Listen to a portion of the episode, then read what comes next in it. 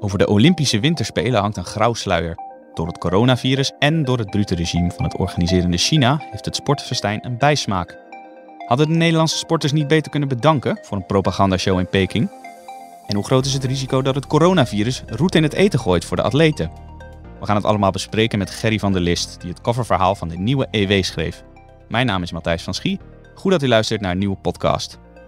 Gerry, hartelijk welkom.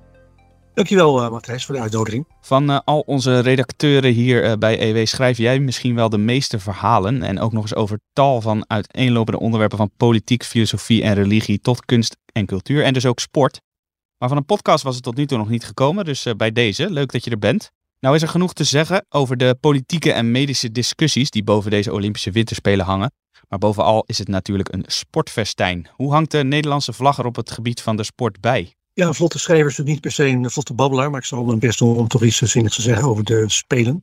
De vlag hangt er uh, redelijk uh, goed uh, bij. Er is nog niet echt een Olympische korts in Nederland merkbaar. Dat heb je toch eigenlijk niet bij de Spelen. En de winterspelen die spreken nog minder tot de verbetering dan de zomerspelen. Maar er komt misschien verandering in de komende twee weken als de, de medailles richting oranje vliegen. Ja, want zijn de verwachtingen hoog? Uh, is de medaillespiegel, staat die op dit moment hoog in de prognoses? Ja, je hebt een bekend uh, databureau, het heet Grace Note. Dat uh, doet altijd voorspellingen voor de spelers die er meestal vrij ver naast hun zitten. Maar nu is de voorspelling voor Nederland 20 medailles, waaronder 6 gouden. En ook Carl Verheyen, de chef de mission van het team NL, die hoopt op 20 medailles. Dat is ongeveer hetzelfde aantal, precies hetzelfde aantal als vier jaar geleden. Het record werd gevestigd acht jaar geleden in Sochi, maar dat is uh, 24 medailles. Maar dat zal waarschijnlijk niet worden gehaald.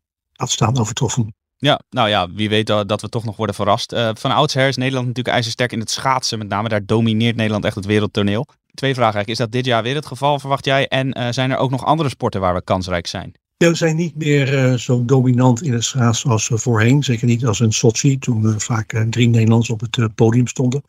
Ik heb nu ook een, tegenwoordig zo'n irritante uh, zweet. Uh, die heel erg hard schaatst en daardoor waarschijnlijk op de 5 en 10 kilometer een gouden medaille behaalt. En um, we hebben nu wel wat een bredere ploeg, 42 Olympiërs, uh, waaronder Kimberly Bos. die heeft vorig jaar het onderdeel, vorige maand op het onderdeel Skeleton is de wereldbeker behaald. En is Europees kampioen geworden. Dus daar zou een medaille in kunnen zitten. Verder is er vrij veel geschreven over Lindsay van Zundert. Dat is een meisje dat ook nu de vlag mag dragen tijdens de openingsceremonie. De hoop bestaat dat zij als kunstreester in de, de voetsporen treedt van Sjoukje Dijkstra. Maar vorige maand deed ze mee aan het Europees kampioenschap. En toen viel ze al snel op haar bipsje en eindigde op de 27e plaats. Dus het zit er niet in dat zij het podium zal halen. Nou is een slechte generale natuurlijk uh, in de regel een goede repetitie. Dus uh, misschien is dat helemaal niet erg, uh, moeten we maar denken. Positief blijven. Hm.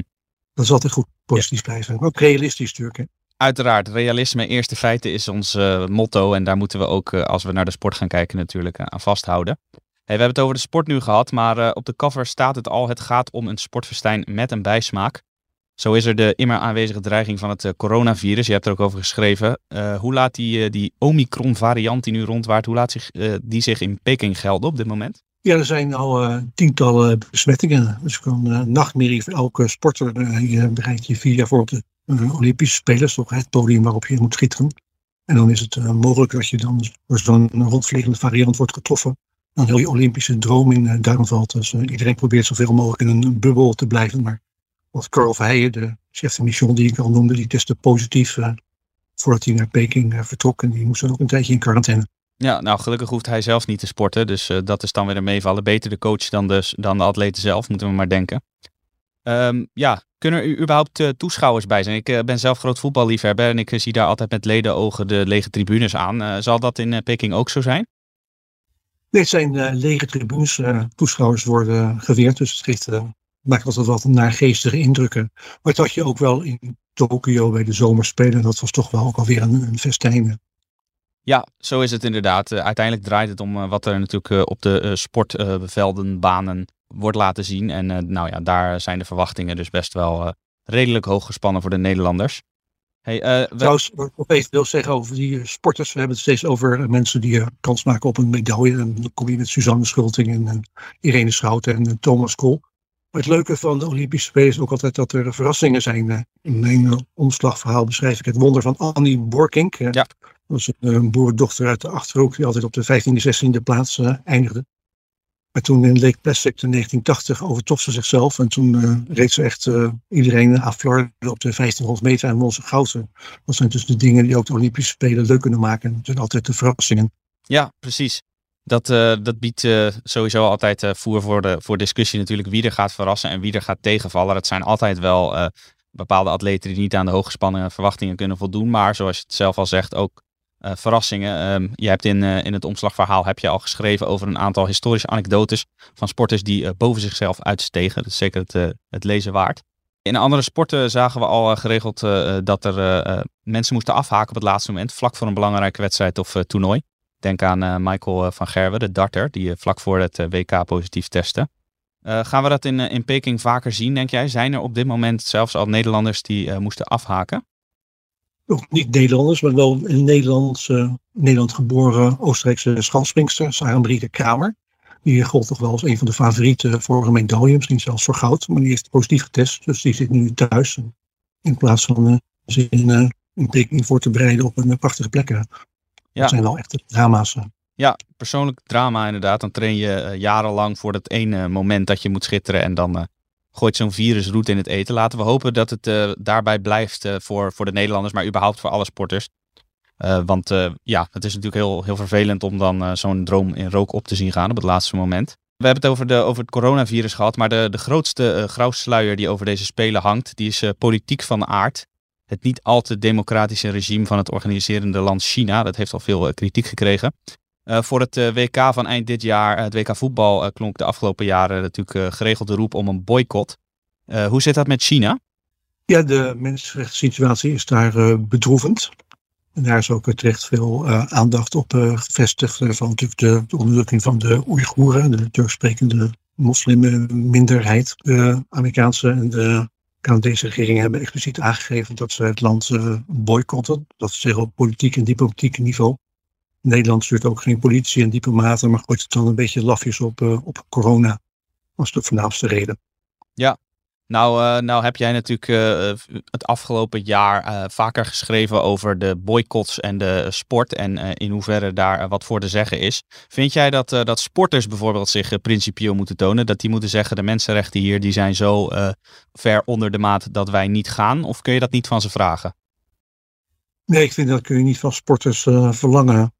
China is het eerste land dat zowel de zomerspelen als de winterspelen organiseert. En om 12, 14 jaar geleden was dat, uh, waren de zomerspelen in Peking. Toen had je Dirk van Muiswinkel, die later nog bekend werd als uh, hoofdpiet. Die voerde toen actie tegen China. En die eiste toen van sporters dat ze thuis zouden blijven. En sprak zelfs een collaboratie ja, je kunt niet van tieners en twintigers uh, verwachten dat ze vier naar iets toewerken en dan uh, thuis blijven, omdat uh, de mensenrechten situatie ergens slecht is. En dat geldt ook voor veel landen. Qatar, waar Nederland gaat voetballen eind dit jaar. Het speelt vier jaar geleden voor Sochi, waar de Olympische Winterspelen plaatsvinden. Blijven natuurlijk echt ook weinige landen over. Ja. En het triest is ook dat de dictaturen vrij goed zijn in het organiseren van grote evenementen omdat ze makkelijk uh, maatschappelijke krachten kunnen mobiliseren en de oppositie heel eenvoudig het zwijgen opleggen.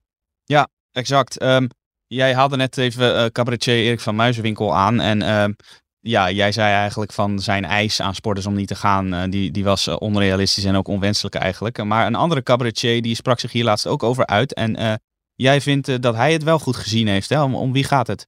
Ja, dat is uh, Peter Pannenkoek. Dat is echt een aangename verrassing op oudejaarsavond. Eigenlijk een, een cabaretier die zinnige dingen zei. Hm. En die zei ook, ja, je kunt van sporters niet eisen dat ze thuis blijven. Maar als mensen principiële bezwaren hebben tegen de Spelen in China, kijk dan gewoon niet naar al die evenementen. Dan dalen de reclameinkomsten.